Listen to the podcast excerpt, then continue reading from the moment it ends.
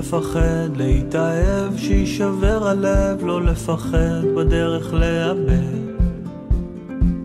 לקום כל בוקר ולצאת אל החיים ולנסות הכל לפני שיגמר.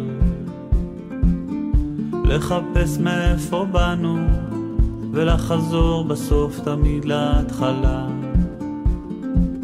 למצוא בכל דבר עוד יופי ולרקוד עד שנופלים מעייפות או אהבה. מכל הרגעים בזמן למצוא אחד לאחוז בו, להגיד שהגענו. מכל הרגעים בזמן, בענף הזה, יש רגעים מסוימים שנכנסים להיסטוריה. סל הניצחון של ים הדר מול ריאל מדריד היה אחד כזה. גם הבמאי הטוב בעולם לא היה יכול לכתוב תסריט כל כך לא צפוי, בו ים הדר, ששיחק 22 דקות ברציפות והיה אחראי לקאמבק הראשון של פנרבחצ'ה, אבל גם לבריחה השנייה של ריאל מדריד, אותו ים הדר שהשווה את שיא הקריירה שלו, אבל היה על הספסל בכל שמונה הדקות האחרונות של הרבע האחרון ובהערכה, דווקא אותו ים הדר, הוא יהיה זה שיקלע את סל הניצחון לפנרבחצ'ה. הוא יהיה זה שישבור את שיא הקריירה שלו ביורוליג, וכל זה יקרה במהלך הגנתי בו בכלל ריאל מדריד תהיה זו שמחזיקה בכדור. הרגע הזה הוא רגע היסטורי, הוא רגע שבגללו אנחנו כל כך אוהבים את הענף. זה היה הרבה יותר מסל ניצחון והרבה יותר משיא קריירה לים הדר. זו ממש תפנית בעלילה. ים הדר ופנרבכצ'ה נמצאים בתקופה לא טובה, וסיפור המשחק הזה היה קרוב להיות הפסד חמישי ברציפות לפנר, שהייתה נקלעת למאזן שלילי לראשונה בשנתיים האחרונות. גם בזירה של מדר זה היה עלול להיות משחק כואב, בו הוא שוב נותן דקות טובות, אבל לא מצליח לפתח המשך, כזה שיהפוך אותו לשחקן באמת גדול ביורוליג. ואז זה קרה. קמפסו, אותו קמפסו שבאותו משחק שבר שיא קריירה בנקודות, והציע יורוליג במספר קליעות לשתיים בשילוב האחוזים הגבוהים ביותר, כן כן, הקמפסו הזה נתקע בפינה, פנר חוטפת את הכדור, וככה ים הדר עושה היסטוריה. זה היה אקורד סיום לשבוע האדיר של הישראליות באירופה, עם שלוש משלוש מול הטורקיות, ארבע מחמש בסך הכל, וניצחונות לכל הישראליות ששיחקו. אחרי דעיכה קלה בנובמבר, אנחנו מקבלים את הסיום הכי מתוק שיש לחודש הזה. בפרק הזה נביא לכם את הסיכום לניצחונות ולמשחקים של הפועל תל אביב, הפועל חולון, הפועל ירושלים ומכבי תל אביב, נתכונן איתכם לקראת השבוע הבא שהולך להיות לנו, וכמובן, נתמקד גם בסל הניצחון ובשיא הנהדר של ים הדר. אנחנו במפה פרק 64, אנחנו מתחילים.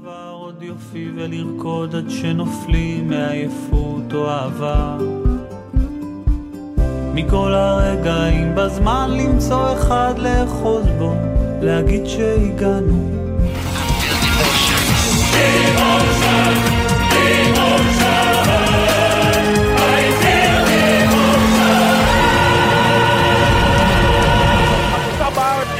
אנחנו במפה ואנחנו נשארים במפה, לא רק בספורט, לא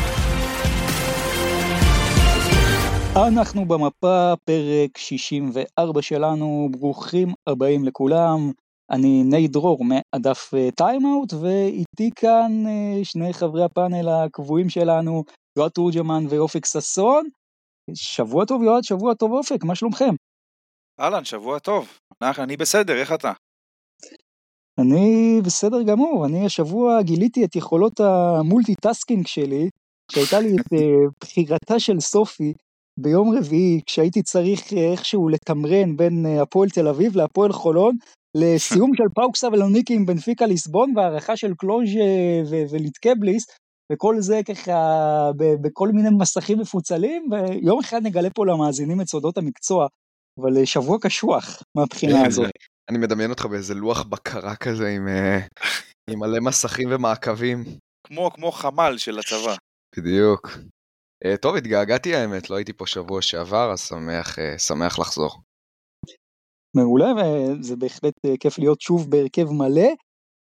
חודש נובמבר, אנחנו סוגרים אותו, היה לנו שבוע של שלוש משלוש על הטורקיות, ארבע מחמש בסך הכל, כל קבוצה ששיחקה גם ניצחה, ובסך הכל בחודש הזה יש לנו 13 מ-19, הישראליות באירופה זה 68 אחוזי הצלחה, אז היו לנו פה הרבה מאוד משחקים, מעניין אותי מה, מה אתם אומרים, היה פה נגיד ההפסד הכי מטופש של קבוצה ישראלית בנובמבר, אני בוחר את ההפסד של הפועל ירושלים לפאוק, כי זה היה הפסד שהוא פשוט חבל שם את ירושלים בסיטואציה לא טובה, וגם משחק שצפינו מה, מה יקרה בו וזה היה כמו תסריט כתוב מראש, אז זה, זו הבחירה שלי. מה לדעתכם היה ההפסד הכי מטופש של קבוצה אצלנו? אני דווקא חושב שמכבי לברצלונה. זה היה בידיים של מכבי, ברצלונה באה בתקופה לא טובה. מכבי הייתה צריכה לקחת את זה, כמה שטויות בסוף, כולל כמה החלטות שיפוט הזויות, אה, פלוס הרחקה של בולדווין, כנראה מנעו ממנה לעשות את זה. אני אלך על אה, פועל תל אביב נגד פרומיטי. אין, אין הרבה מה להוסיף, משחק הגנה מחריד, אה, זה משחק שהפועל תל אביב הייתה צריכה לקחת, יריבה שאפשר להגיד בהזמנה ובמשבר משל עצמה. אה, גם הפועל תל אביב הייתה במשבר, אבל זה לא, זה לא תירוץ, הייתה צריכה לקחת, אה, אבל פשוט הפקרות הגנתית אה, מנעה מזה מלקרות. הניצחון הכי גדול של קבוצה שלנו באירופה בחודש הזה יש לכם? אה, הפועל חולון, מה? בורסה ספורט. מה לא? אה, למה לא בון? גם אופציה. שמע, אני אלך על בון, אני אלך על בון גם בגלל שזאת האלופה המכהנת, אה, אבל גם בגלל שזה, אתה יודע, זה היה הדיביוט של, של הפועל חולון הזאת. לא ידענו כל כך למה לצפות, והניצחון על בון, אה, וזה גם המשחק הראשון מאז המלחמה, אה, מבחינתם, אז זה היה מאוד מאוד מרענן, אז אני ממש זוכר לטובה את הניצחון ההוא. אני מאוד התלבטתי, יש פה גם את הניצחונות נגיד של הפועל תל אביב, על, אה, אפילו האחרון על בשקטה שהיה ניצחון מאוד חשוב, אני דווקא אלך על הניצחון של הפועל ירושלים מול אה, גלת אסריי, פשוט כי זה היה מופע דומיננטיות, ואנחנו עוד נדבר על זה בפרק, אבל מופע דומיננטיות של הפועל ירושלים במשך כמעט ערב שלם, על גאלה שהיא לכאורה צריכה להיות אה, קבוצה שתיתן לה פייץ, אז זה היה מרשים. לכאורה. לכאורה, כן, אנחנו עוד נגיע לזה. Uh, הזדמנות מצוינת להזמין uh, אתכם המאזינים שלנו להצטרף לקבוצת uh, הוואטסאפ שלנו, סקרים, כתבות, נתונים, כל מיני דברים מעניינים, אז אם אתם אוהבים את הפרקים שלנו אתם מוזמנים לשם. היו לנו השבוע בקבוצה שני סקרים מאוד מעניינים. קודם כל הגארד הכי טוב באירופה, שאלנו אתכם מי הוא, נכון להיום, 6% מכם אמרו שיין לארקין, 12% מכם בחרו במייק ג'יימס, 4% בלורנזו, 4% בבולדווין, 3% בלפרוביטולה, היו פה עוד 11% של uh, התפלגויות אחרות, סלוקאס uh, ואחרים. 60% מכם הולכים על האיש ששבר את שיא הקריירה שלו במשחק האחרון, פקונדו קמפסו, ויאמר לזכותכם שהסקר הזה היה לפני שהוא עשה את זה, אז קמפסו און פייר, ושאלנו אתכם גם מה האירוע שעשה את השבוע מבחינתכם, אה, האם זה בעצם ה-4 מ-5 לישראליות באירופה, 3 מ-3 מול הטורקיות, אולי הסל של ים הדר? אז 10% מכם בחרו בזה שבעצם הגענו ל-80% הצלחה בשבוע הזה, 20% מכם בחרו את ה-100% הצלחה 3 מ-3 מול הטורקיות, אבל 70% מכם בחרו בים הדר וסל הניצחון הפשוט נהדר שלו מול ריאל מדריד, ואנחנו עוד ניגע בזה ונתעסק בזה רבות בפרק הזה, כי מגיע לים, אנחנו פה כולנו מפרגנים לו, ומפה אנחנו נעבור לכותרות. ואופק, אתה תמשיך את הקו של ים הדר. זהו, כמה דקות אנחנו לפרק שבע דקות וכבר כמה פעמים אמרנו ים הדר. טוב, זאת לא הפעם האחרונה. ים הדר, אמרת בפתיחה נייט, ובאמת אה, כל מילה, כל מילה אה, בספר, מה שנקרא, אה, ים הדר, אתה, אה, זה פשוט, אתה כל כך מרגש. זה היה כל כך סמלי, שחקן ישראלי, יהודי, כמו דוד שמנחיל אה, לגוליית הריאל מדרידי והבלתי מנוצח. צריך להזכיר גם שספרד, אה, בוא נגיד, אה, מה, מהמדינות היותר אופוזיטיביות כלפי ישראל בימים האלו, קולע סל ניצחון על אדמת איסטנבול מול קהל טורקי ששואג בעדו, זה פשוט מראה שבשביל אוהב כדורסל, בימים כאלו, זו הנחת רווחה גדולה, זה אושר, זה סיפוק, זה נחת, אז תודה לך, ים הדר, שאתה שם את ישראל על המפה בימים אלו, באמת בתנאים מאוד מאוד קשים, אה, ובצורה פשוט הכי מתוקה שיש, וסמלית שיש. אחלה ים.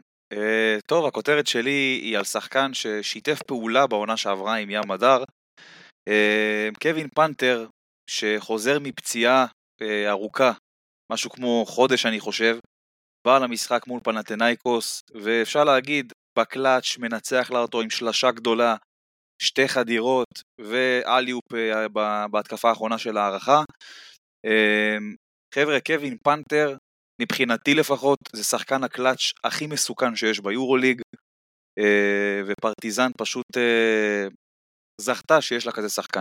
טוב, אז הכותרת שלי היא אירופה תחילה, ואני רוצה להתייחס לחזרה של ליגת העל, או יותר נכון לחידוש של ליגת העל, שבגלל פה כל המצב הקשה אז נבצר מאיתנו בעצם שיהיה לנו העונה גם אירופה וגם ליגה, אז הליגה חוזרת, אה, החלטה די שנויה במחלוקת, אנחנו עוד נדבר עליה בפרק, אבל, וזה אבל מאוד גדול, אני רוצה לומר, אירופה תחילה, וזה גם קודם כל הקבוצות הישראליות, אנחנו כבר עוד נגיע פה להחלטות של זרים שכן חוזרים, לא חוזרים, אבל בסוף שימו את אירופה בראש סדר העדיפויות. זה קריאה שלי פה לכל הקבוצות הישראליות, ואם מה שעוזר לכם כדי לנצח באירופה זה אולי להוריד את ההילוך בליגה, זה דברים שאני מתנגד אליהם בדרך כלל, אבל פה, בסיטואציה שנוצרה, עם כל הכאב ראש הלוגיסטי, אירופה תחילה, חד משמעית, מה שעוזר לאירופה זה מה שצריך לקבוע, ואני קורא גם למינהלת הליגה ואומר, תתחשבו כמה שיותר בקבוצות הישראליות שהן משחקות באירופה, כי בסוף אנחנו נמצאים פה בעונה עם הזדמנות אדירה.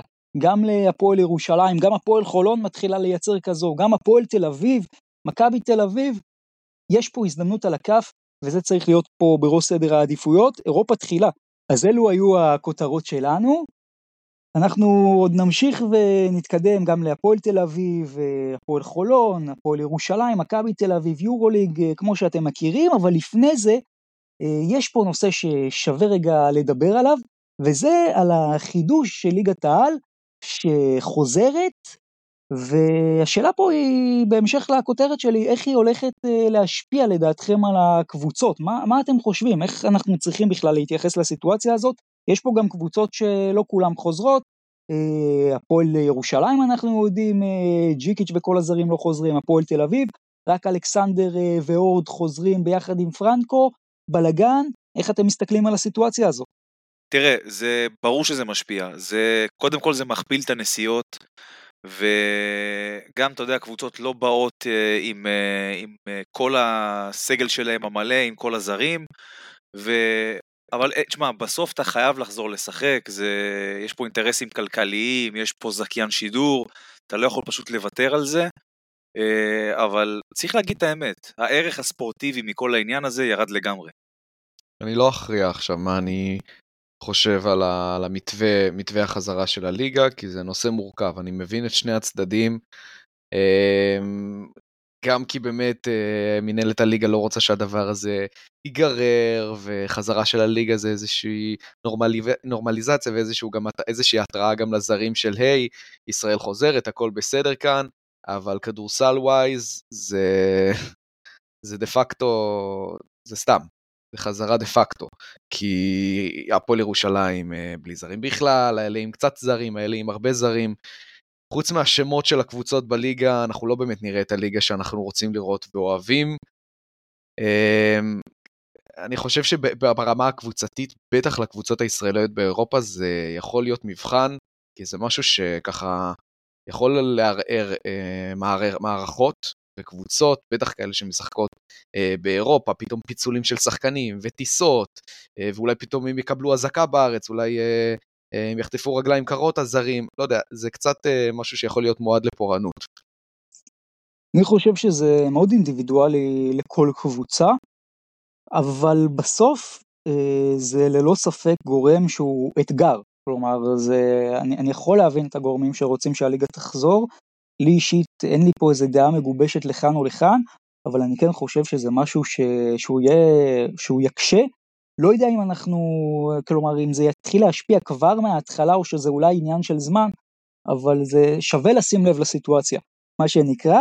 אז uh, מכאן אני חושב שאפשר להתחיל uh, גם uh, לדבר על הישראליות שלנו באירופה, ומכאן אנחנו בעצם נתחיל עם אה, הפועל תל אביב, נמשיך אחרי זה אה, לליגת האלופות, הפועל חולון, הפועל ירושלים, ואז אה, נסיים במכבי תל אביב והיורוליג, שכמובן באמצע יהיה לנו את ים הדר, הניצחון הגדול שלו על ריאל מדריד. אז בואו נתחיל עם הפועל תל אביב, שבעצם מגיעה למשחק מול בשיקטש.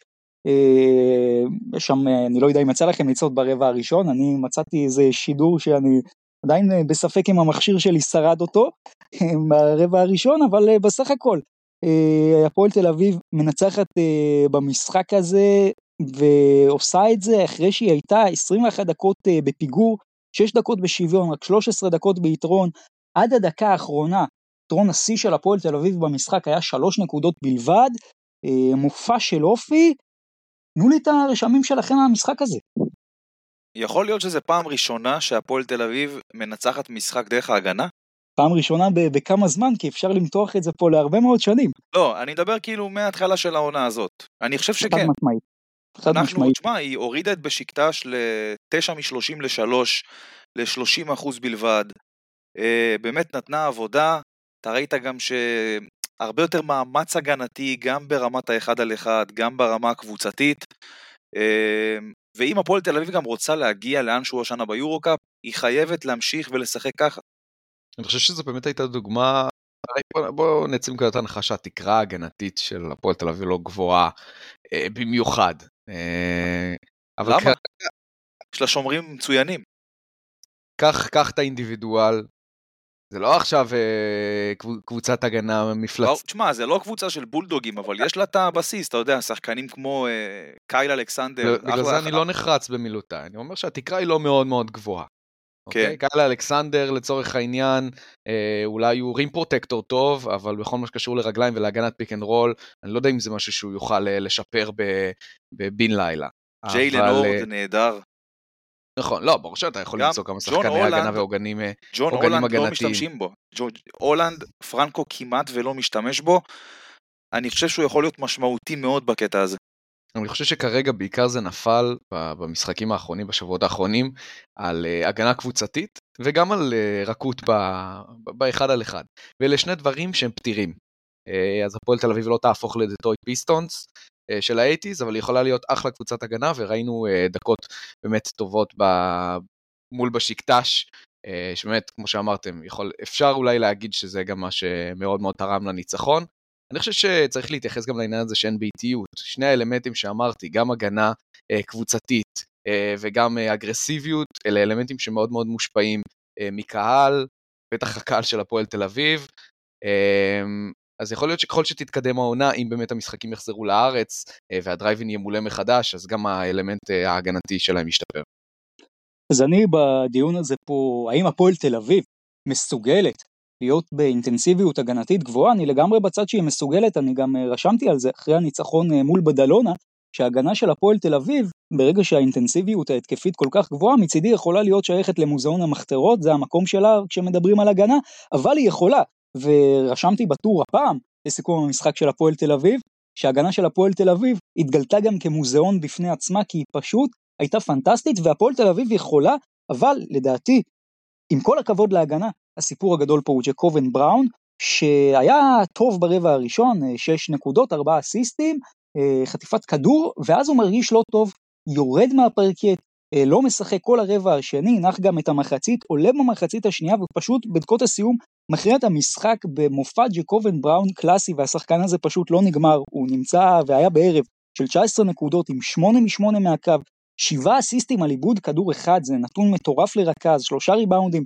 28 מדד פלוס 6, וג'קובן בראון, אה, תגידו מה שתגידו, לפעמים מגיע, לא מגיע, בריא, פצוע, אה, האיש הזה פשוט מכריע משחקים בלי סוף, ויועד, נתת תזה בעונה הקודמת, שאולי זה שג'קובן אה, פצוע או קורה לו משהו זה עוזר, בינתיים התזה הזאת במשחק הזה לפחות מאוד הוכיחה את עצמה. זה חד משמעית, שמע, יש שחקנים שיש להם את זה ויש כאלה שאין להם את זה, לג'קובן בראון יש את זה חד משמעית. שמע, הכריזמה והמנהיגות שלו נוטפות לו מהאוזניים.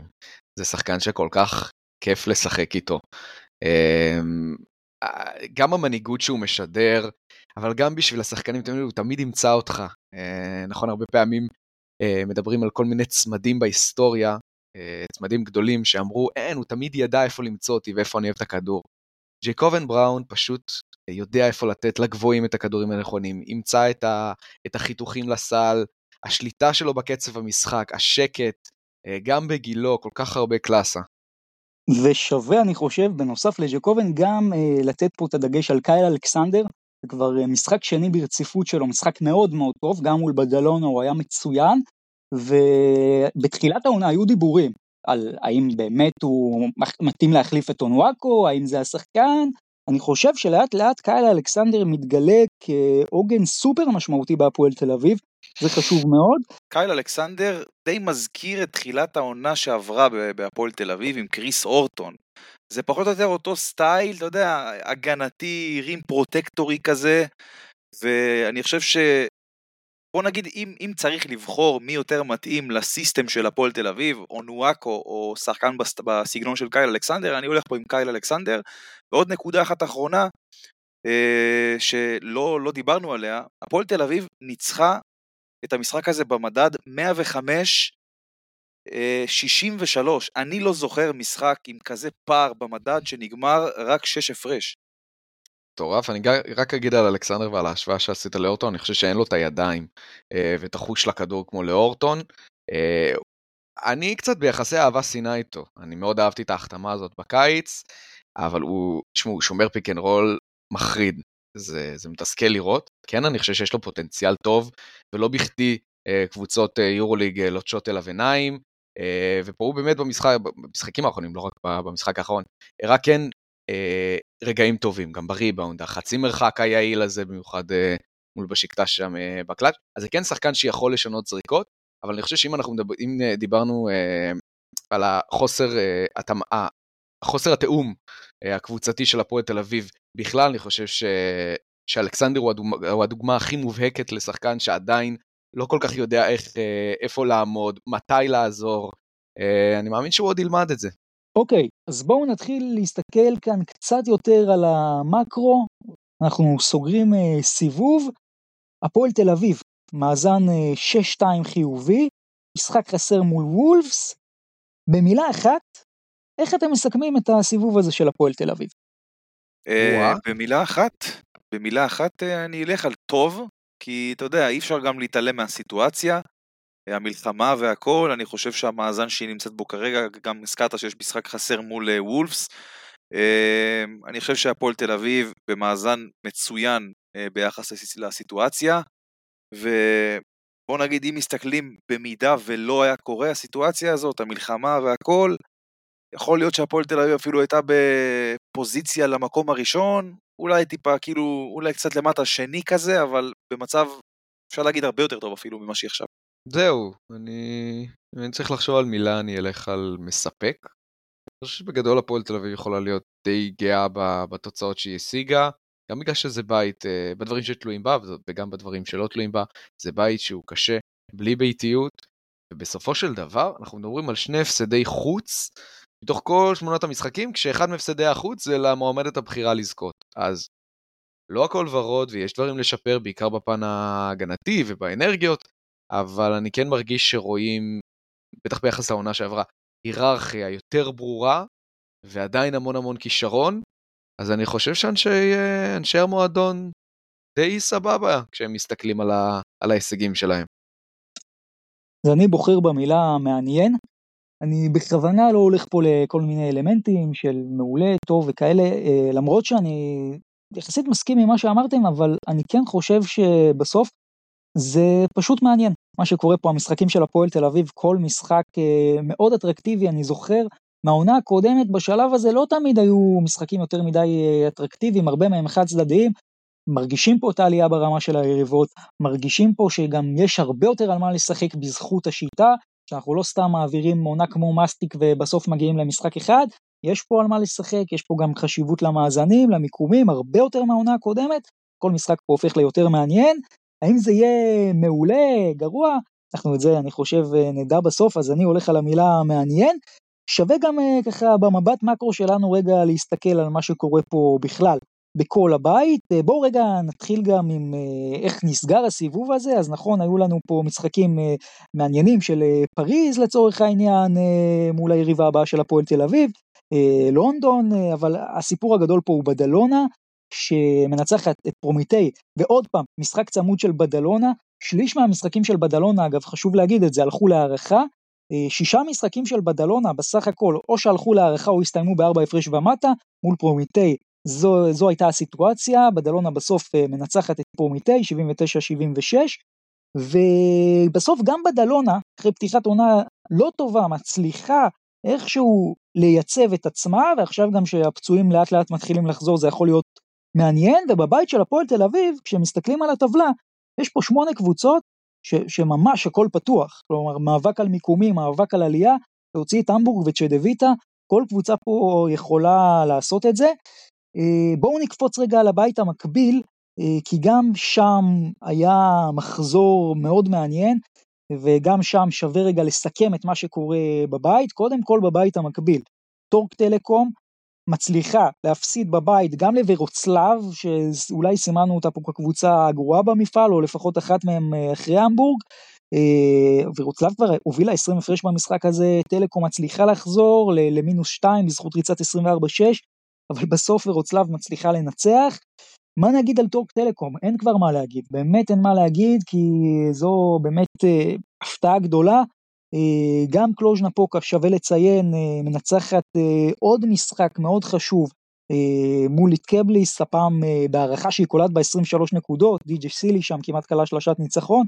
אה, בכל זאת, יש מהמשחק הזה גם אה, זוויות ישראליות בקטע הזה, לא רק של די.ג'י סילי שהוא המצטיין של קלוז', 25 אה, נקודות, 5 מ-6 ל-3, גם סירבידיס, מי ששיחק בהפועל ירושלים, עושה פה 29 נקודות, 10 מ-10 מהקו, שווה לציין את זה, וגרנד קנריה, גם, במחזור האחרון, מפרקת עוד פעם, עוד קבוצה, בודדשנוסט הפעם, 17 ניצחונות ברציפות כבר, וגם פה יש זווית ישראלית, סילבן לנדסברג שוב הקלע המוביל, שבוע שני ברציפות, שווה להתחיל לשים לב לזה, וגרנד קנריה רחוקה משחק אחד מהשיא של קורבן שעומד על 18 ניצחונות ברציפות, זה המצב שם שהיה בשבוע הזה, וגם שם יש טבלה מאוד מאוד צמודה, אה, וגרנד קנריה דרך אגב, אה, השאלה הגדולה פה מי יעצור אותה, כי אין לה שום כוונה לעצור, המאזנים פה מאוד מאוד חשובים. כלומר, גם אם אתה מבטיח לצורך העניין את המקום הראשון, אה, לא יודע מה, שלושה מחזורים או ארבעה מחזורים לסוף, צריך לזכור שכדי לקבל את יתרון הביתיות בסדרת הגמר, אתה גם צריך להיות יותר טוב במאזן מהקבוצה שמסיימת במקום הראשון בבית המקביל. שאלה מי יעצור פה את גרנד קנריה, בכל מקרה מאוד יכול להיות שהיא תשבור פה את השיא. אני חושב שבפרויקט סיכום סיבוב שלנו זה בדיוק הזמן אה, לעשות ככה סבב. מי אתם חושבים הייתה הקבוצה מפתיעה, ומי אתם חושבים הייתה הקבוצה מאכזבת של הסיבוב הראשון אה, בשלב הבתים. אה, יועד, מה, מה אתה חושב? אה, תשמע, המפתיעה אני אלך על אה, בשקטה שאני חושב, כי על הנייר אף אחד לא ציפה שהם יהיו במקום שהם נמצאים כרגע, והם באמת uh, פותחים, פתחו את העונה בצורה באמת אדירה. Uh, מאכזבת, uh, חשבתי לכיוון טורק טלקום, אבל בחרתי בסופו של דבר בפרומיטי, אחרי העונה שעברה, שהם באמת נתנו, היו מעל המפעל אפשר להגיד, או לפחות בין הקבוצות שהיו הטובות במפעל. פתחה את העונה בצורה לא טובה, שחררה גם שחקנים, משהו שם לא עובד, לא, לא מה שציפו ממנה. אז המפתיעה שלי היא לונדון ליונס, 7-2 חיובי, מקום שני בבית של הפועל תל אביב, אה, אני לפחות לא ציפיתי את זה, וכל השחקנים המובילים שם, בתקופה הכי טובה בקריירה שלהם, חלקם גם בגיל יחסית אה, מבוגר, מעל גיל 30, זה יפה מאוד, אז היא הקבוצה המפתיעה לדעתי. המאכזבת חד משמעית אני בוחר בטורק טלקום, 8-1 אה, שלילי, מקום אחרון, וזו קבוצה שסימנו אותה פה בתחילת העונה כאחת מהקבוצות המובילות לכאורה במפעל, אז בסדר, היא שחררה נגיד את אדמס, אבל עם כל הכבוד, באמת, אין, אין שום סיבה להיות אה, כל כך אנמית ולא מוצלחת, וזה לא שהיא לא מנסה, אני הסתכלתי על המשחק שלה מול uh, ורוצלב, פשוט דברים בסיסיים מאוד לא, עובד, לא עובדים לה, אבל היא הקבוצה המאכזבת, שלי לפחות. טוב, אני הולך על קבוצה שהזכרת, קלוז'נה פוקה. לא יודע כמה כדורסל יש ברומניה, אה, אבל עד עכשיו אחלה תוצאות, מישהו חושב שהיא תעשה מקום שלישי, למרות שזה בית שהוא יחסית מקל, אה, אני חושב שהיא מפתיעה, היא מושלמת גם ב- בליגה הרומנית. מאכזבת, אני אלך על יריבתה הקרובה של הפועל תל אביב, אה, צ'דוויטה.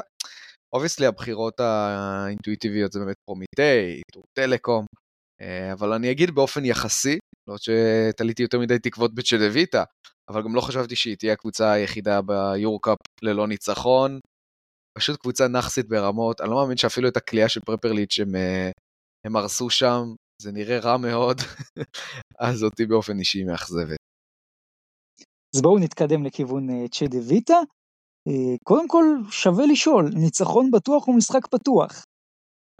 אה, תשמע, זה באמת שאלה יפה, אבל אה, בוא, אם, צריך להתייחס לזה כאילו ברמה המקצועית, אני חושב שאם אתה מבודד את השחקנים באמת ברמה אינדיבידואלית, יש לצ'דוויטה מה למכור מול הפועל, כן, יש שם שחקנים עם הרבה ניסיון, אם זה ג'סטין קובס ופרפליץ' שהצטרף בזמן האחרון, אבל בוא נגיד לפי הסיטואציה ששתי הקבוצות נמצאות בהם כרגע, אני לא חושב שבאמת אה, הסלובנים באמת יכולים לאיים באיזושהי צורה על הפועל תל אביב. אני אגיד את זה באופן מאוד קצר, שדויטה לא ישיגו את ניצחון הבכורה שלהם מול הפועל תל אביב. אז אני כן רוצה להתייחס למשחק הזה בכמה נקודות.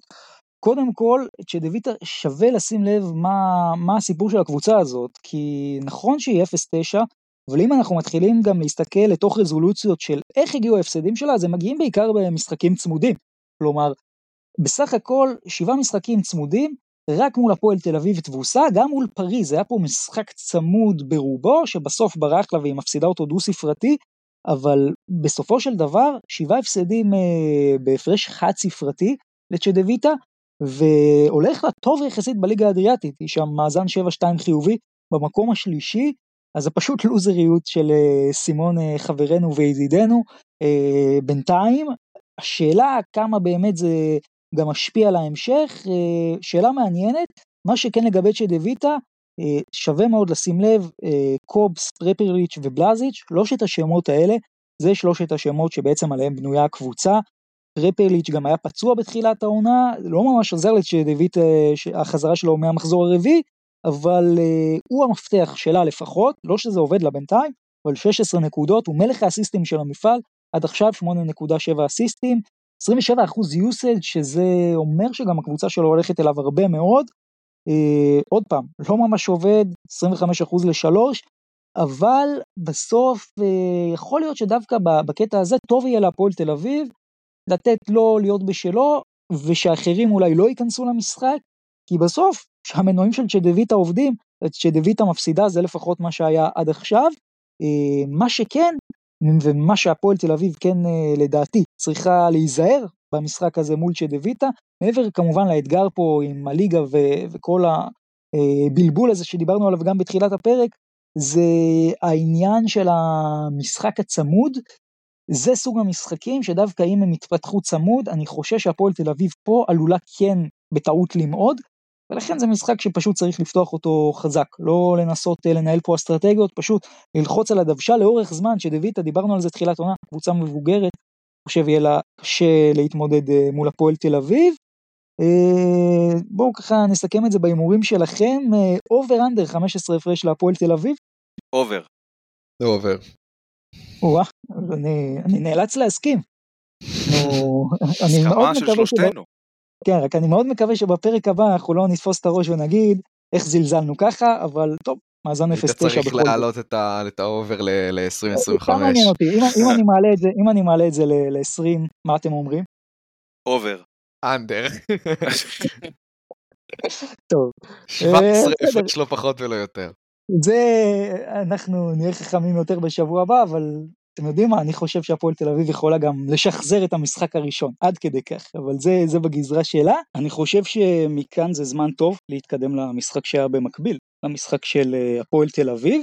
אגב, חייב לומר בין השורות, קצת מתסכל שעד שיש לנו משחקים של ישראליות באירופה, אה, אז יש לנו פה משחקים חופפים, אין לנו יותר מדי מה לעשות עם זה, אבל זה לא שיש לנו את הקבוצות של היורופ קאפ, אז אה, חבל. שגם המשחק של הפועל תל אביב וגם המשחק של חולון היה באותו זמן. בכל מקרה, בזמן שהפועל תל אביב מנצחת את בשקטש, אז גם חולון במקביל עושה את זה על בורסה ספור. במשחק שבורסה ספור פותחת טוב, היא מובילה בו כבר אה, ב-11 הפרש 3 דקות אה, לסיום הרבע השני, 43-32. חולון חוזרת למשחק בריצת 10-0, איכשהו עושה את הקאמבקים האלה תמיד. יורדת להפסקה בפיגור של נקודה, רבע שלישי בורסה ספור שוב עולה ל-10, ואז מגיעה ריצת 39-8 של הפועל חולון שכבר מובילה ל-21 הפרש. חולון מנצחת ב-19 הפרש, משחק אדיר של סי.ג'י אריס עם 8 מ-11 מהשדה, 4 מ-4 מהקו, 6 אסיסטים ו-30 מדד. תנו לי את הסיכום שלכם לדבר הזה, כי אתם יודעים מה, דיברנו גם אני ויועד פה פרק קודם על חולון, כן, לא, לא יודע אם מישהו מאיתנו ציפה 19 הפרש. שמע, זה חתיכת הפתעה, אין ספק, זה... חולון באה פה ונתנה מפגן עוצמה אדיר, וחבר'ה, צריך גם לתת קרדיט לסי.ג'יי אריס עם משחק פשוט אדיר של 25 נקודות ושישה אסיסטים עם 5 מ-6 מחוץ לקשת. אה, באמת בא והעלה את הרמה שלו, כי אנחנו מכירים את סי.ג'יי אריס של השנה-שנתיים האחרונות, זה לא השחקן הכי יציב שיש, ופה ספציפית במשחק הזה הוא הגיע, והגיע בגדול, אה, וגם אמין נועה, גם אמין נועה עם, אתה יודע, אקורד סיום אה, יפה מאוד לעזיבה שלו, נתן פה אחלה של משחק. בגדול הפועל חולון אה, עומדת במשימה החשובה והלא פשוטה הזאת, ועושה את זה בגדול. תשמעו, זה משחק של רבע רביעי, קצת רבע שלישי, אבל בעיקר רבע רביעי. אם אני לא טועה, הרבע השלישי נגמר שם בסל של, של קרופורד שהעלה את חולון אה, ליתרון 2, ובסוף אנחנו יודעים איך התוצאה נגמרה. מהרבע השלישי עד הסוף, מבחינתי, זו הפועל חולון של, של עונת 23-24, כשהיא נכנסת לזון.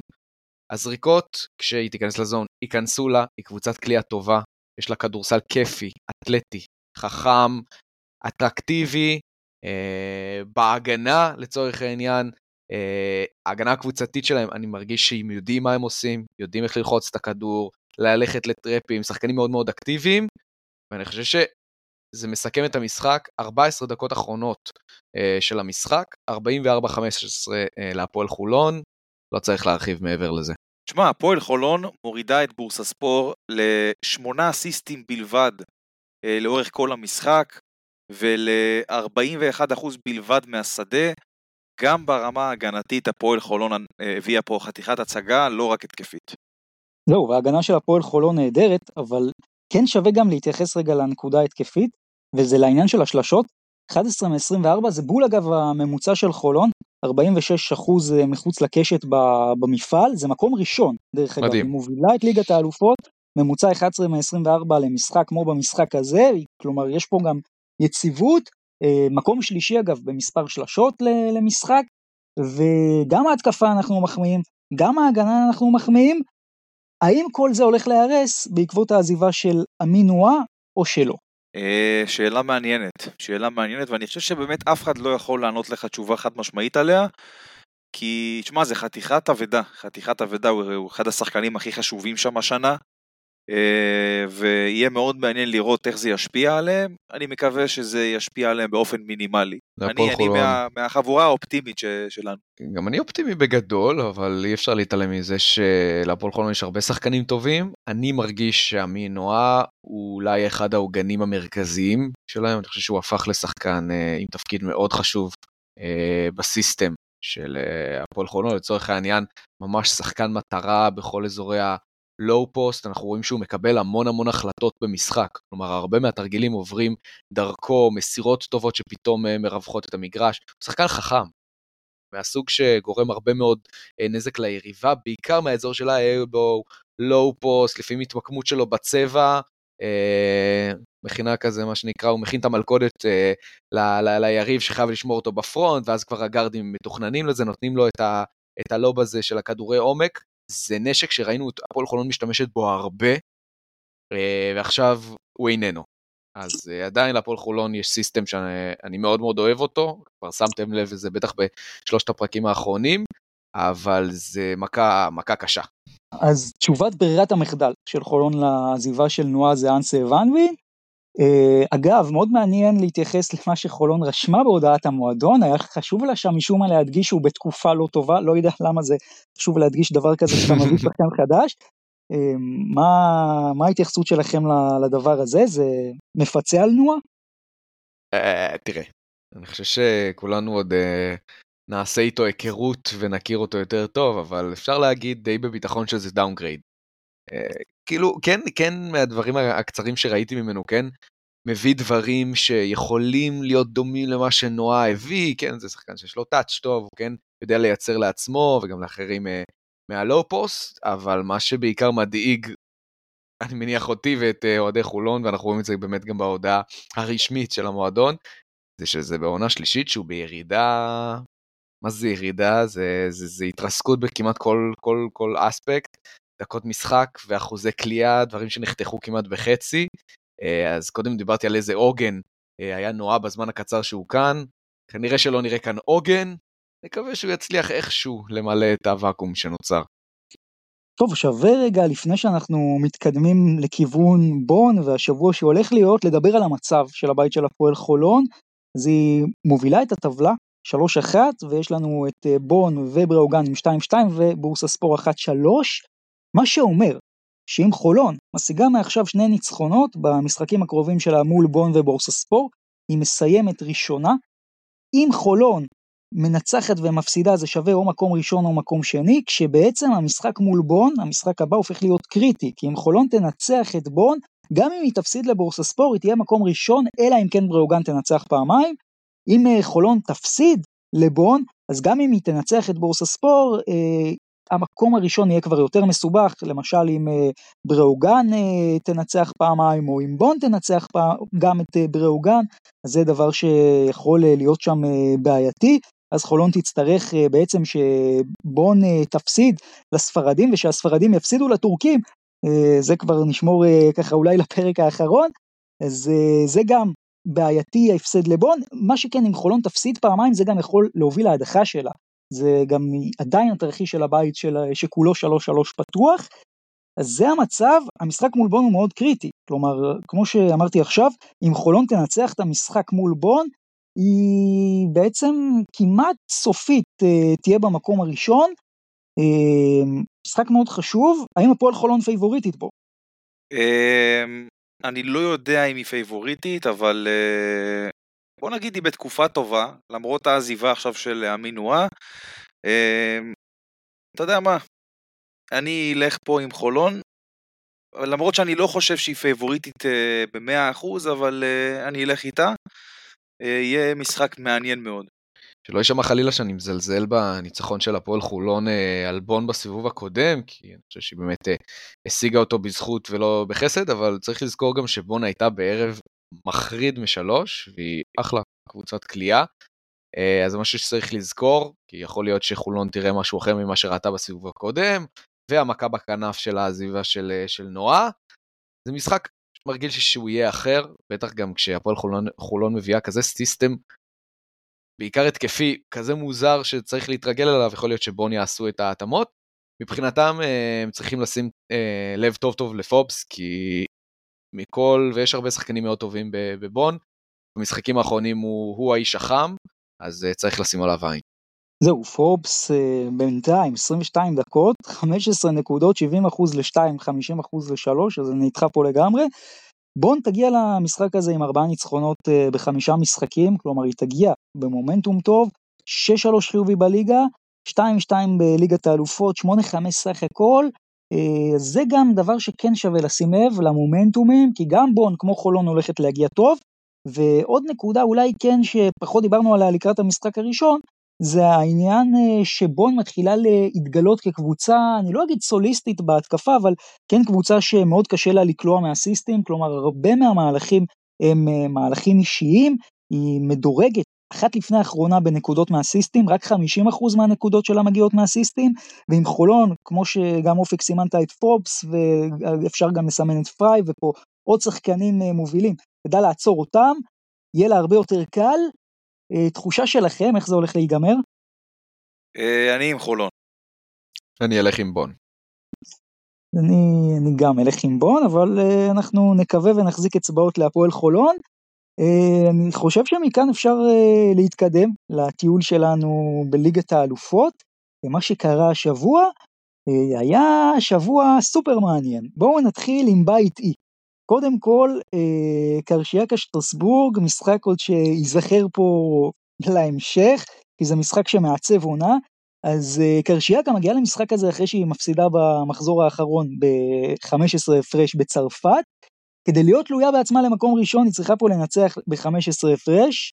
זה הולך לה טוב, מתחילה כבר אה, להוביל ב-21 הפרש לכיוון הרבע האחרון, שטרסבורג אפילו חוזרת למשחק, הצליחה לצמצם את זה ל-10-5 דקות לסיום, איכשהו זה מגיע למצב שקרשיאקה מבטיחה ניצחון, עם כדור ביד, שימו לב לזה, 84-72, התקפה אחרונה, ומה שקורה זה שהוקר חוטף את הכדור, שטרסבורג פשוט צריכה להחזיק אותו, וזהו, אבל לא, היא יוצאת למתפרצת, מחטיאה עלייה, צד שני ורנון קארי על רגל אחת תופר שלשה, ובעצם מה שקורה שקרשיאקה משיגה את ה-15 הפרש, אבל לא מעבר, מה שאומר ששתי הקבוצות לכאורה פה יהיו תלויות בעצמן למקום ראשון. אה, משחק נוסף בבית המקביל הזה זה אולדנבורג שנוקמת באוסטנד ומנצחת אותה גם בהפרש גבוה יותר, מה שאומר שקרשיאקה ושטרסבורג עם 3-1 ואולדנבורג ואוסטנד עם 1-3, אה, הבית הזה עוד יכול להתפתח להרבה מאוד כיוונים, אבל בסך הכל שווה לשים לב פה על העניין של ההפרשים שהם מאוד צמודים, 19 לקרשיאקה, 15 לשטרסבורג, זה גם משהו שיוכל אה, מאוד מאוד להשפיע גם לקראת המשחקים הבאים, אז אל תופתעו אם פתאום אה, תקבלו פה 40 הפרש של קבוצה אחת על אוסטנד, כי הן צריכות את זה. שבוע מעניין ומצב דומה היה גם בבית B. אה, עוד פעם, קבוצה שצריכה לנצח, ומנצחת בדיוק בהפרש שהיא עושה את זה, אז ריטאס וילנה מנצחת את פרומתאוס בשתי נקודות, כשבמקביל דיז'ון שוחטת את אופאבה 99-64, ומה כבר אפשר להגיד על אופאבה, שהיא פשוט אה, מבזה, ממשיכה בקו של לבזות המפעל הזה כל שבוע, אה, קולעת בממוצע במשחקים שלה 65, סופגת 104, אה, למעט פה תרחיש באמת שהאנושות תתיישב על מאדים והיא תנצח את ריטאס ופרומתאוס בסוף ב-80 הפרש כל אחת, אז אפשר כבר להתחיל לסמן אותה כמודחת הראשונה אחרי ארבעה משחקים זה הישג. אה, דיז'ון בבית החלש הזה מצליחה גם להתבלט בכל ליגת האלופות בינתיים, מובילה את המפעל ב offensive rating, בקליעות 2 ובעוד הרבה מאוד דברים. זה מה שקורה בבית B, בבית H, שזה גם הבית שמצטלב ב play-in עם הבית של הפועל ירושלים, אז אה, דש מהאקס אה, טיישון תומאס, שמשאיר את דרטונה מושלמת אה, בזכות חסימה גדולה בהערכה, דרטונה מנצחת את טופש, ובעצם פה שווה לשים לב גם לקרב על המקום הראשון, כשהמצב בבית כרגע הוא שדרטונה ראשונה עם ארבעה ניצחונות, ובלי הפסד, מורסיה עם 3-1, טופש 1-3 ואיגוקיה 0-4, מה שאומר שהמקום הראשון ייקבע במשחק בין מורסיה לדרטונה שיהיה בספרד, אה, ואם מורסיה תנצח שם בארבע ומעלה אז היא תהיה כנראה במקום הראשון בהנחה והבית ימשיך פה במגמה, ושווה לשים לב גם למורסיה, 7-0 בנובמבר, אז זה מה שקורה איתה, ממוצע 19 הפרש לניצחון, לא כדאי לקבל אותה בפליי, נגיד, אם היא בטעות תסיים פה במקום השני, אז הקבוצה שתסיים במקום השלישי בבית של הפועל ירושלים, זה יהיה לא כדאי, למרות שגם דרטונה זה לא סיפור כיף. אז בואו נתקדם להפועל ירושלים, שככל הנראה מתחילה להימנע מאותו מקום שני, ובדרך אולי להבטחה של uh, עלייה מהמקום הראשון, העפלה ישירה לשלב הבתים. Uh, כמובן, אנחנו עוד נדבר על מה צריך uh, להיות כדי שזה יקרה, אבל נצחת את גלת אסריי, כמו שאמרתי בהתחלה, אה, כשבחרתי את הניצחון הזה לניצחון הגדול ביותר של קבוצה בנובמבר, מופע של דומיננטיות, אה, קחו אותי לנקודות שלכם מהמשחק. שמע, זה סוף סוף אפשר להגיד שהפועל ירושלים מתחילה להיראות כמו שכולם ציפו ממנה להיראות בקיץ. אה, אפשר להגיד אפילו מפגן עוצמה רציני, ראשון העונה, מול קבוצה שאומנם פתחה את העונה לא טוב, כן, אבל אנחנו מכירים את הכישרון שלה ועד כמה שהיא מסוכנת ברמה האינדיבידואלית. אמ, ליוואי רנדולף עם עוד הצגה של 17 נקודות וחמישה אסיסטים, אנחנו גם ראינו את ברנטון למר שמתחיל להיכנס לעניינים, אה, קדין קרינגטון עם עוד משחק טוב, פועל ירושלים אחרי הרבה מאוד זמן גם לדעתי הגיע סוף סוף ברמה ההגנתית למשחק הזה, אמ, ובאמת הגיע הזמן, אנחנו כבר בחודש דצמבר. הדבר שהכי בולט לי מהמשחק הזה, קודם כל זה היה משחק מאוד חלש של ספידי, אחד המשחקים היותר חלשים שלו, הנקינס גם לא היה רלוונטי בגלל העבירות, ואני חושב שמה שבלט לי במיוחד, שנה שעברה עם ספידי והנקינס במשחק רע, הפועל ירושלים מפסידה את המשחק. ההבדל לדעתי העונה, העומק, זה ברור. שגם, שגם כששניהם חושך, היא מנצחת ומנצחת גם בכדורסל טוב של 40 דקות. כי הזרים הוותיקים יודעים, יודעים, יודעים את העבודה, והחדשים מתחברים יפה, והחיפוי והעומק, אה, זה לדעתי אה, ההבדל העיקרי אה, ביחס לעונה שעברה. כן, זה מוריסנדור ובריינטון למר, שבאמת גם למר אגב, משחק אולי ראשון שמתחיל להגיע לעונה, מוריסנדור הוא עוגן פה מאוד משמעותי, ואני אגב חושב גם הישראלים, נגיד בלייזר, זוסמן, בלייזר נתן פה הגנה מטורפת, חייבים לדבר על זה, עוז בלייזר נתן פה דקות של הגנה, שאני לא חושב שיש היום שחקן ישראלי שמסוגל לתת אותם בטח בעמדה שלו, זה גם משהו שחשוב מאוד לציין, ובסך הכל הפועל ירושלים, תגידו, זה, זה החוזקה שלה או החולשה של גלת אסריי? אני חושב שהחוזקה שלה, מה, אין פה שאלה, תראה, קודם כל התקפית היא הגיעה טוב למשחק הזה, אה, היא קלה באחוזים אה, סבבה מהשדה, 52 אחוז כמעט, וגם ברמה ההגנתית היא מורידה את גלטסריי ל-37 אחוז מהשדה ול-28 אחוז מחוץ לקשת. סוף סוף באמת אנחנו רואים את הפועל ירושלים, שאפשר להגיד אפילו חיכינו לראות, שטובה בשני צידי המגרש, התקפית, הגנתית, וזה היה נראה טוב מאוד. לא ניקח לה את הקרדיט, אה, הניצחון הזה הוא של הפועל ירושלים, כי היא באמת באה קודם כל בעיניי מוכנה מאוד לגאלה. כן, תשמעו, ראו שהטורקים, אה, בוא נגיד, לא באו עם, אה, עם שיא החשק, נראים עייפים ובוא נגיד מדדים קצת. אז בסדר, זה עזר לתוצאה, אבל בסופו של דבר זה ניצחון של הפועל. ניצחון וניצחון גדול. עכשיו, שווה רגע לשים לב מה קורה פה בבית. כלומר, אם אנחנו מסתכלים קדימה, אז עוד שבועיים יש משחק מול פאוק, נתכונן אליו בפרק הבא, אבל הסיטואציה כרגע אומרת שבעצם הפועל ירושלים, קודם כל, בזכות הניצחון הזה, תלויה בעצמה. היא תלויה בעצמה למקום הראשון, ויותר מזה, אה, למעט תרחיש בו היא מפסידה פעמיים, ובנפיקה גם מנצחת אותה ב-19 הפרש ומעלה, וגם מנצחת את גלת אסריי, אז היא גם מבטיחה את אחד משני המקומות הראשונים, למעט התרחיש הזה. אה, מה שכן, וזה הופך את זה למאוד חשוב, וזה כבר כן שווה לציין עכשיו, המשחק מול פראג סלוניקי הולך להיות קריטי. כי אם הפועל ירושלים תפסיד בו, היא בוודאות לא תסיים במקום הראשון, ואם היא תנצח בו, אז היא בוודאות אה, תהיה במקום הראשון, אם הניצחון יהיה בהפרש של שלוש ומעלה, אם ההפרש יהיה בפחות מבעצם אה, בשתיים ומטה, שהיא הפסידה לפאוק בשתיים, אז זה כבר uh, קצת יותר uh, מסובך. לא ניכנס לזה עכשיו, אפשר uh, להיכנס לזה יותר פרק הבא. מה שכן שווה לשאול בסיטואציה הזאת, הפועל ירושלים עכשיו יש שבועיים בלי משחק באירופה. ודיברנו על זה, על השילוב של הליגה, ישפיע, יזיק. Uh, שווה רגע להתייחס פה ספציפית, כי בסוף ג'יקיץ' וכל הזרים לא חוזרים, הקבוצה מתפצלת, עזבו מה יקרה בליגה, פחות מעניין לדעתי עכשיו, יותר מעניין מבחינתי, איך זה אמור להשפיע כשאנחנו מסתכלים שבועיים קדימה? לא נראה לי זה אמור, זה אמור כזה להשפיע, כי אתה יודע, בסדר, הקבוצה מתפצלת, אבל uh, מה שחשוב זה שאתה מגיע בחזרה לבלגרד או וואטאבר, כמה ימים לפני המשחק, מתכונן אליו בצורה הכי טובה שיש, והכל בסדר, כאילו, עכשיו אתה מסתכל על זה בצורה די עמוקה, אבל אני לא, לא חושב שתהיה לזה כזאת השפעה גדולה. אני פשוט לא יודע מי הולך uh, לשחק שם. Uh, אני גם מנסה להסתכל על, על הצד החיובי של העניין הזה. Uh, בעיקר בא לי את זה בשביל, בשביל גבי. כלומר, uh, הוא היה סבבה בהגנה uh, נגד גלטסרי, אבל מרגיש לי עדיין חסר ביטחון, בעיקר בצד ההתקפי. ולדעתי הליגה יכולה קצת להכניס אותו לעניינים, אז אני שמח בשבילו. ברמה הקבוצתית, אה, קשה להגיד.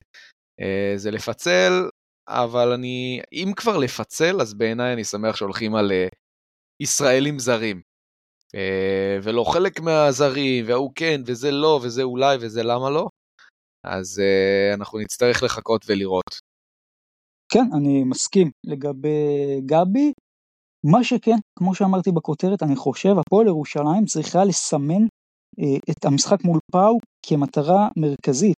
עוד פעם, גם המקום השני פה לא הולך להיות פיקניק אם אנחנו נגיע לפליין בטעות, כי גם טופש בורסה שצפויה, אני אומר את זה בעדינות, לסיים אה, במקום השלישי בבית המקביל, זה לא פיקניק, אז זה סדר עדיפויות מהבחינה הזאת, קודם כל על משחק מול פאוק.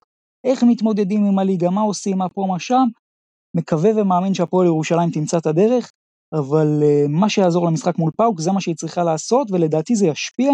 אני מקווה שלא יכריע את המשחק מול פאוק, בכל מקרה ניגע בזה יותר בשבוע הבא. Uh, מכאן, זמן טוב uh, לעבור לחלק של היורוליג שלנו, ולמסמר הערב, ים הדר, שמנצח את uh, ריאל מדריד עם סל uh, ניצחון, ואתם יודעים מה, בסוף אנחנו מדברים פה על ישראליות וזה, אבל גם הקהל שלנו הכריע, השבוע הזה שייך לישראלי, לים הדר,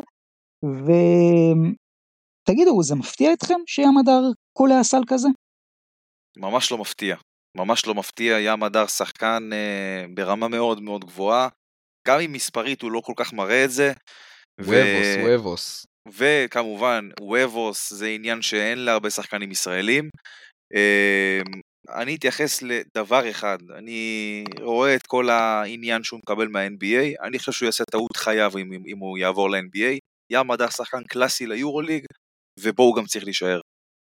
מסכים, ב-NBA לדעתי יש אה, הרבה שעושים דברים כמוהו, פשוט אולי גם בצורה אפילו יותר טובה, אני חושב שביורוליג הוא נופל על נישה מאוד מאוד שלמת. ספציפית של איזה role player, אבל מאוד מוכשר. כן. לא יודע, זה משהו שעובד לו טוב, זה עבד לו בפרטיזן וזה עובד לו גם בפנרבכצ'ה, זה לא במקרה. חד אה, משמעית. שהוא במקרה נקלע לסיטואציה מושלמת. לא, זה כי הוא שחקן כדורסל טוב. מעבר שלו ל-NBA, ברור לכולם איך זה ייגמר. ספסל, אולי קצת ג'י ליג וחזרה ליורוליג. ובסוף זה מגיע אחרי תקופה לא טובה של ים הדר, וזה מגיע אחרי ארבעה הפסדים ברציפות של אה, פנר, ועדיין, הם לוקחים את המשחק הזה, ואתם יודעים, חייבים אה, להתייחס רגע לקבוצה שהם עשו את זה מולה.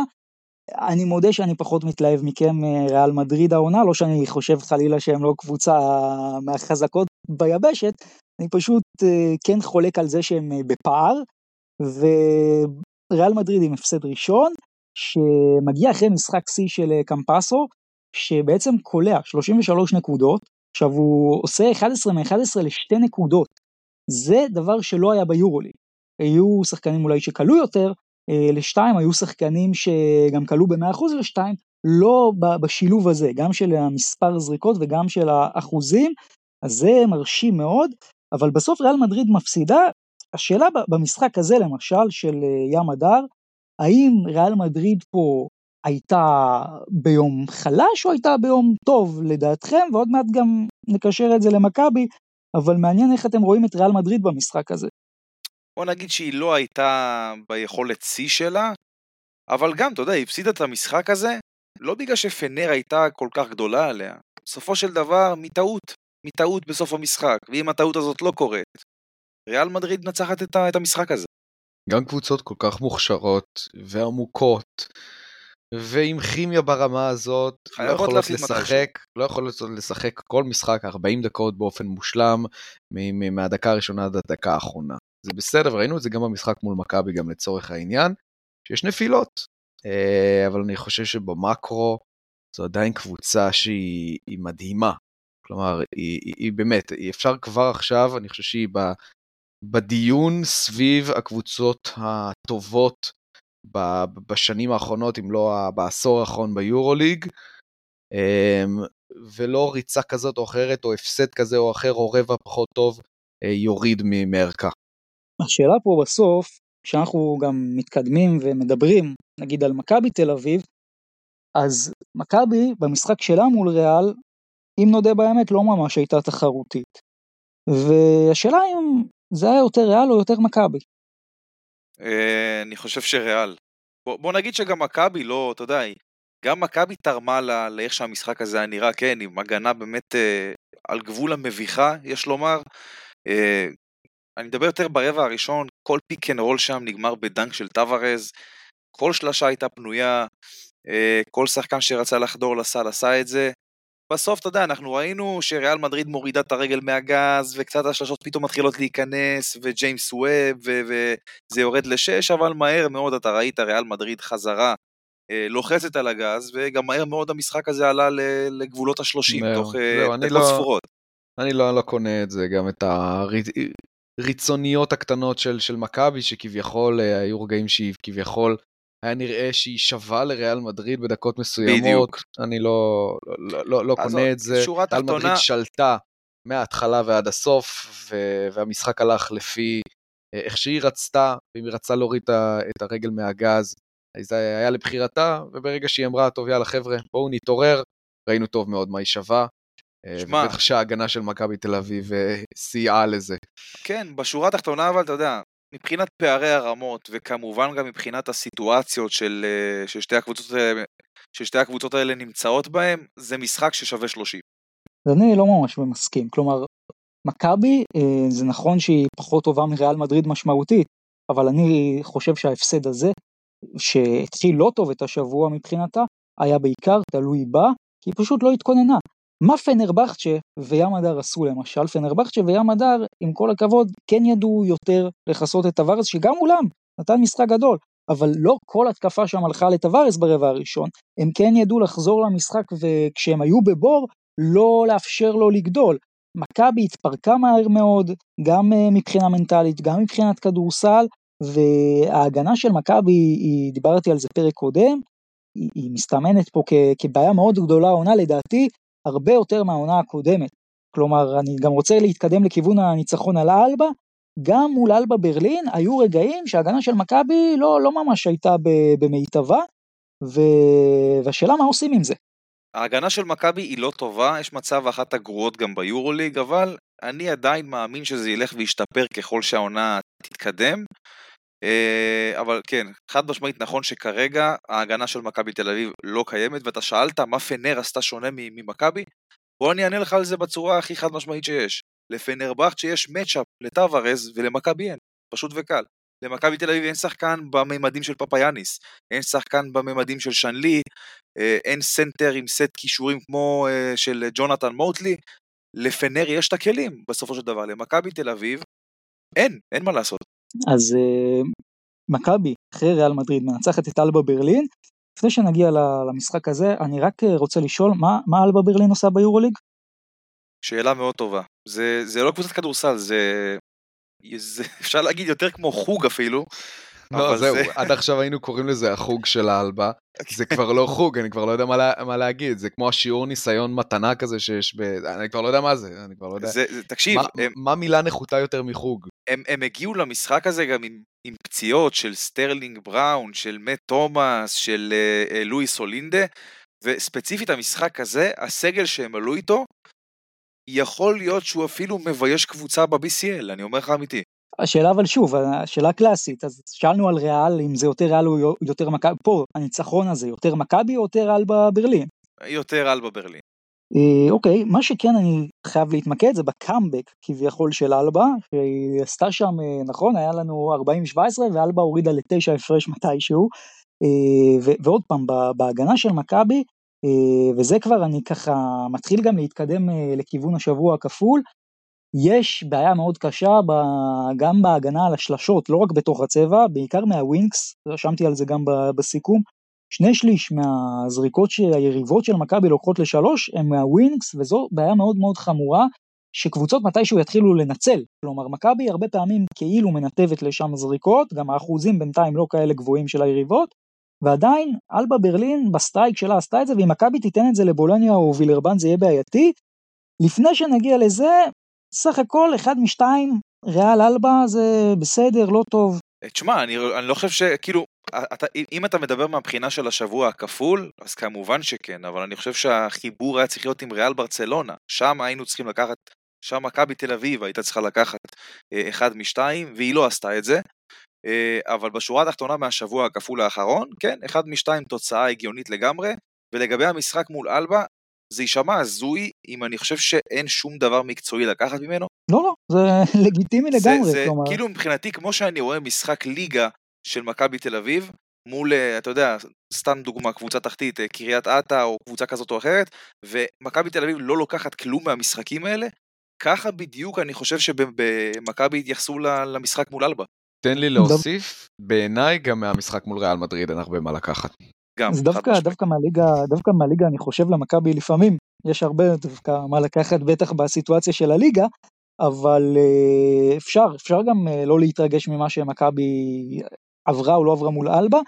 מה שכן, כשמסתכלים על הטבלה, בסך הכל מכבי אה, עדיין 6-5 חיובי, יועד דיברת על זה פרק קודם, שאומרת על ה, תמיד על הקטע של המאזן החיובי, האם זה ישתנה? גם, תמיד איכשהו גם הלוז מסתדר לטובתה שהיא לא תאבד את המאזן הזה. זהו, השאלה עכשיו האם הלוז אה, מסודר טוב או לא, כי יש לנו שבוע כפול, שבוע פוצקו אני קורא לו, מול אה, הקבוצה של פוצקו המאמן, והקבוצה שפוצקו היה שחקן בה ארבע שנים בבולוניה, אז לא אותה קבוצה אבל אותה עיר, אז לקראת שבוע פוצקו יש למכבי וילרבן, וירטוס, מה המטרות הריאליות מהשבוע הזה? עזבו מה מכבי רוצה, מה המטרות הריאליות. אחד משתיים או שתיים משתיים. אני חושב שאחד משתיים זה המטרה הריאלית, אבל uh, אני חושב שאם מכבי תל אביב רוצה באמת uh, לעשות uh, דברים גדולים מהעונה, חד משמעית היא חייבת לעשות שתיים משתיים. תשמעו, את הגלדיאטוריות פגשנו. ריאל מדריד, ברצלונה, מונקו. מכאן ואילך, גם uh, בשבוע הקרוב מול וילרבן ובולוניה, אבל גם קצת בהמשך, כל משחק בעיניי מוגדר כמכבי צריכה לקחת. אם יותר, אם פחות, פה יותר פייבוריטית פחות. גם עם, גם עם הסיטואציה שאין משחקי בית, כרגע זה אמור להיות קל יותר.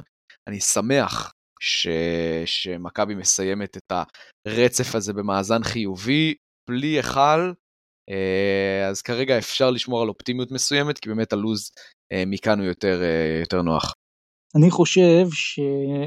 2 מ-2 זה, זה גדול, ריאלית, שוב, זה גדול על מכבי. אני לא יודע אם יש משחק שמכבי פייבוריטית בו. בואו נתחיל מווילרבן נגיד. מכבי פייבוריטית מול וילרבן? אני חושב בחוץ? שכן, אני חושב שכן. כן, אפשר, אפשר היא... להגיד. תראו, בסוף, השאלה היא, כלומר, הגבוהים של וילרבן, שאני מסתכל, אז יש שם את מייק סקוט, שהוא נמצא באחלה עונה, עם 12 וחצי נקודות אה, בממוצע למשחק, 43 אחוז לשלוש, דיברתי על זה, ואם מכבי שוב תמשיך להפקיר את ה wings, אני לא יודע מה, מה יהיה המצב איתו, למרות שהוא גם קולע נהדר מהפינות. לוברן ויוסופה פאל, אה, האם למכבי יש יתרון בתוך הצבע על הדברים האלה? אני לא יודע אם יש לה יתרון, אבל עם, עם הגבוהים מהסוג הזה, מכבי תל אביב הסתדרה, וגם, אתה יודע, אנחנו מדברים על יוסוף אפל, זה אמנם המימדים של טווארז, אבל זה שחקן כל כך שלא מזכיר אותו, לא ברמת הניידות, לא ברמת הטכניקה, ומכבי תל אביב כבר הוכיחה לא מעט פעמים בשנים האחרונות שהיא הסתדרה, והיא יודעת להסתדר מול שחקנים מהסוג של אה, פל, של יוסף אפל. בעיקר אני חושב שזה יהיה מעניין כי עכשיו מכבי יוצאת קצת למשחקי חוץ. בוא נראה את ההשפעה הזאת של המשחקים בבלגרד. כן, שפתאום יש קהל גם. מיני... גם יש קהל וגם פשוט שמעתי תיאוריות, הרי ראינו את המאניה דיפרסיה הזאת שנה שעברה בין משחקי הבית למשחקי החוץ. יכול להיות שעצם זה, עצם קיום המשחקי הבית בבלגרד גורם לקבוצה להתרגל במידה מסוימת אה, ולא להיות תלותית כל כך אה, בשדים של יד אליהו, אז יכול להיות שאנחנו נראה מכבי לא שונה במיוחד אה, בין הבית לחוץ, אז זה משהו לשים לב אליו. over under חמש דקות לנועם יעקב? over. over under חמש דקות לעומר מאייר?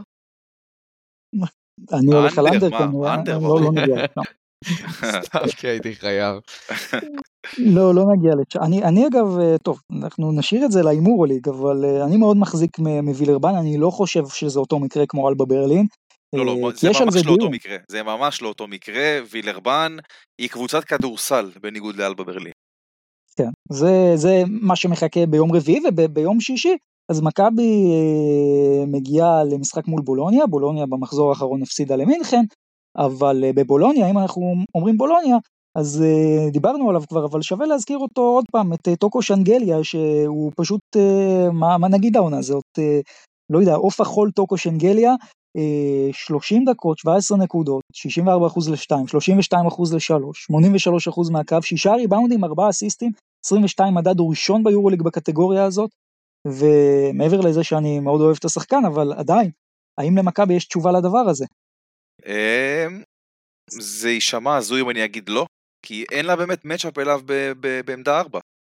חד משמעית, והשאלה מול בולוניה, אה, סימנתם את מכבי הרי מול וילרבן אולי כסוג של פייבוריטית, אז מול בולוניה מכבי פייבוריטית?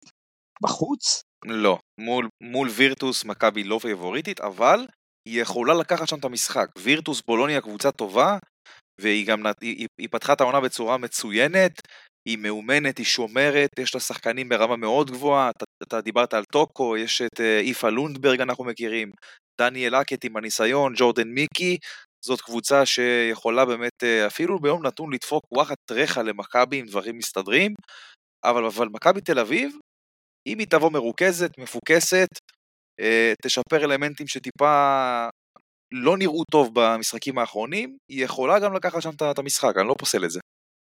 זהו, אני לא כל כך uh, הולך לטרמינולוגיה, פייבוריטית קצת, הרבה. וירטוס קבוצת כדורסל טובה. אבל היא גם הפסידה, והפסידה חזק למינכן. ניצחון זה ממש לא מילה גסה. וכן, אני חושב שאלה המשחקים שמכבי תל אביב נפלה בהם בעונה שעברה. אומנם עכשיו זו וירטוס אחרת, אז קצת קשה, קשה להשוות. אבל נכון. משחקי החוץ הם מאוד מאוד קריטיים, ובטח כשאין ביתיות, זה, ה, זה הזמן אה, להשיג את הניצחונות אקסטרה האלה, שאתה כל כך תודה עליהם אה, בסוף העונה הסדירה. אני מסמן שני מפתחות, אם מכבי רוצה לנצח את המשחק הזה. אחד, זה לעצור את הנקודות בצבע של וירטוס בולוניה, כי וירטוס קולט ב-62% אה, בצבע, שזה לא נתון שמכבי יכולה לדעתי להרשות לעצמה במשחק הזה. אם מכבי לא תדע להתמודד בצבע, היא תהיה בבעיה מאוד קשה שלדעתי תכריע את המשחק.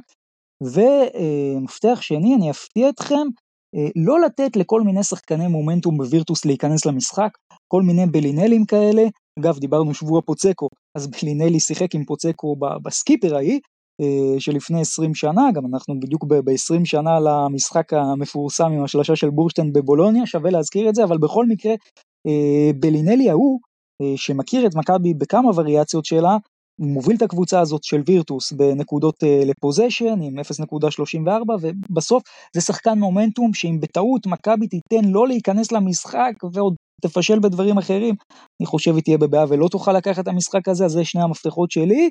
לפני שאנחנו מתקדמים לשבוע היורוליג, אה, תנו לי ככה משפט סיכום לשבוע הכפול של מכבי.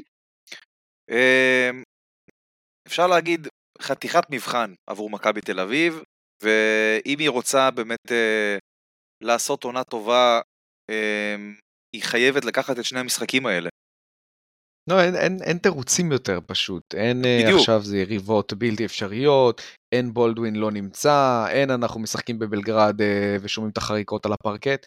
משחק חוץ, יורוליג לגיטימי, סגל מלא אה, מול יריבות שאתה לגמרי יכול לנצח ולפעמים גם יותר מזה. מכבי תל אביב, כן, צריכה לבוא ולהוכיח מי, ולהוכיח את זה שזאת קבוצה שבעונה שעברה הייתה מרחק אולי possession שניים מפיינל פור. קחו אותי לנקודות המעניינות שהיו השבוע ביורוליג. אמ, קודם כל הקאמבק, הקאמבק של אה, פרטיזן מול פנתנאיקוס, חייב לדבר על זה. זה היה, אני חושב שהיה אזור שבע הפרש לפנתנאיקוס, משהו כמו דקה וחצי לסיום, פרטיזן שוב גוררת את זה ככה, וקווין פנתר מחזיר אותה למשחק, יש הערכה, בהערכה זה חגיגה אחת גדולה, אני חושב שהייתה שם ריצת 8-0 של פרטיזן, וחבר'ה, לא פעם ראשונה השנה שהשטארק ארנה מנצח לפרטיזן משחק. מה, הם הולכים עכשיו לרצף אה, משחקי בית, אה, שהולך להמשיך גם מונקו, גם מילאנו. אה, אני לא אתן ספוילר להימורוליג שלי, אה, אבל בוא נגיד שאם אני אוהד פרטיזן אני אופטימי. חד משמעית. דרך אגב, לגבי פנתנאיקוס, צריך להגיד שאנחנו רואים את המשחקים האחרונים שלהם, כולם אומרים, וואי, הם מתחילים להתחבר, הם במומנטום, אבל בוא, בוא, בוא לא נשכח, הם עדיין לא ניצחו משחק חוץ, חוץ מאלבה ברלין, אני חושב. תשמע, הטבלה כל כך צפופה, כלומר, ההבדל בין מקום חמישי למקום 14 הוא משחק. משחק אז, אחד, uh... אבל מצד שני גם אנחנו בשלב מאוד מוקדם. נכון, בגלל זה אני אומר, הרבה פעמים זה נראה שקבוצות עושות מומנטומים חיוביים או מומנטומים שליליים, ואז אתה אומר, או הנה הם נכנסו, או, או הנה הם, אה, הם נופלים, כמו ולנסיה לדוגמה, אה, הפועל, אה, הפועל, פנתנייקוס יכולים לחזור להיות קבוצה בעייתית, ולנסיה יכולה לחזור להיות קבוצת צמרת, אם אפשר להגיד את זה ככה, הכל כל כך כל כך נזיל בטבלה שם. אוקיי, אני חושב שזה זמן טוב להתקדם ולסגור את הפרק עם ההימור הליגה הכפול שלנו אה, לקראת אה, עוד שבוע כפול שני של מכבי, אבל שבוע כפול ראשון של קבוצות היורוליג מזה כמה שבועות. אז בואו נתחיל עם המחזור ה-12. יש לנו בספתח חתיכת משחק, אנדולו פנתינאיקוס, אני עם אנדולו פה. אנדולו. פאו. אלבה ברלין, ז'אל גיריס קובנה. ז'לגיריס. קובנה. גם אני עם קובנה, אולימפיאקוס ריאל מדריד. וואו, שחזור הגמר. אה, ריאל מדריד. ריאל. גם אני אלך פה עם ריאל מדריד. ביירן מינכן מול מילאנו, ביירן. מילאנו. אני אלך עם ביירן מינכן. פרטיזן בבית מול מונקו, אני עם פרטיזן. פרטיזן. פרטיזן. וילרבן מכבי, אני עם וילרבן. מכבי. מכבי. בסקוניה, פנרבכצ'ה, אני עם פנר. פנרבכצ'ה. פנר. ולנסיה הכוכב האדום. אוף, וואו. קשה. אה, כוכב האדום. גם אני הולך עם הכוכב. וגם אני הולך עם הכוכב. וירטוס בולוניה ברצלונה, אני עם וירטוס. ברצלונה. ברצלונה. ואנחנו גם נאמר על המחזור ה-13, אז יש לנו אלבה מול אנדולו אפס. אה, אנדולו. אנדולו. אנדולו גם, כמובן. פנאתינייקוס ריאל מדריד, אני הולך על פנאתינייקוס. ריאל מדריד. לא יקרה ריאל. פרטיזן מול מילאנו, שני ניצחונות ביתיים לפרטיזן אני הולך, גם פה פרטיזן. גם אני. גם אני פרטיזן. כנ"ל. כנ"ל. ז'לגיריס מול מונקו. מונקו. זה בקובנה, נכון? נכון, כן. נכון. מונקו. מונקו. אני הולך פה עם ז'לגיריס, שתנצח בבית את מונקו, אולימפיאקוס ביירן מינכן, אני עם אולימפיאקוס. אולימפיאקוס. אולימפיאקוס. וירטוס בולוניה מכבי תל אביב, אני עם וירטוס. וירטוס. מכבי, אני על שבוע מושלם. או-אה. בסקוניה הכוכב האדום.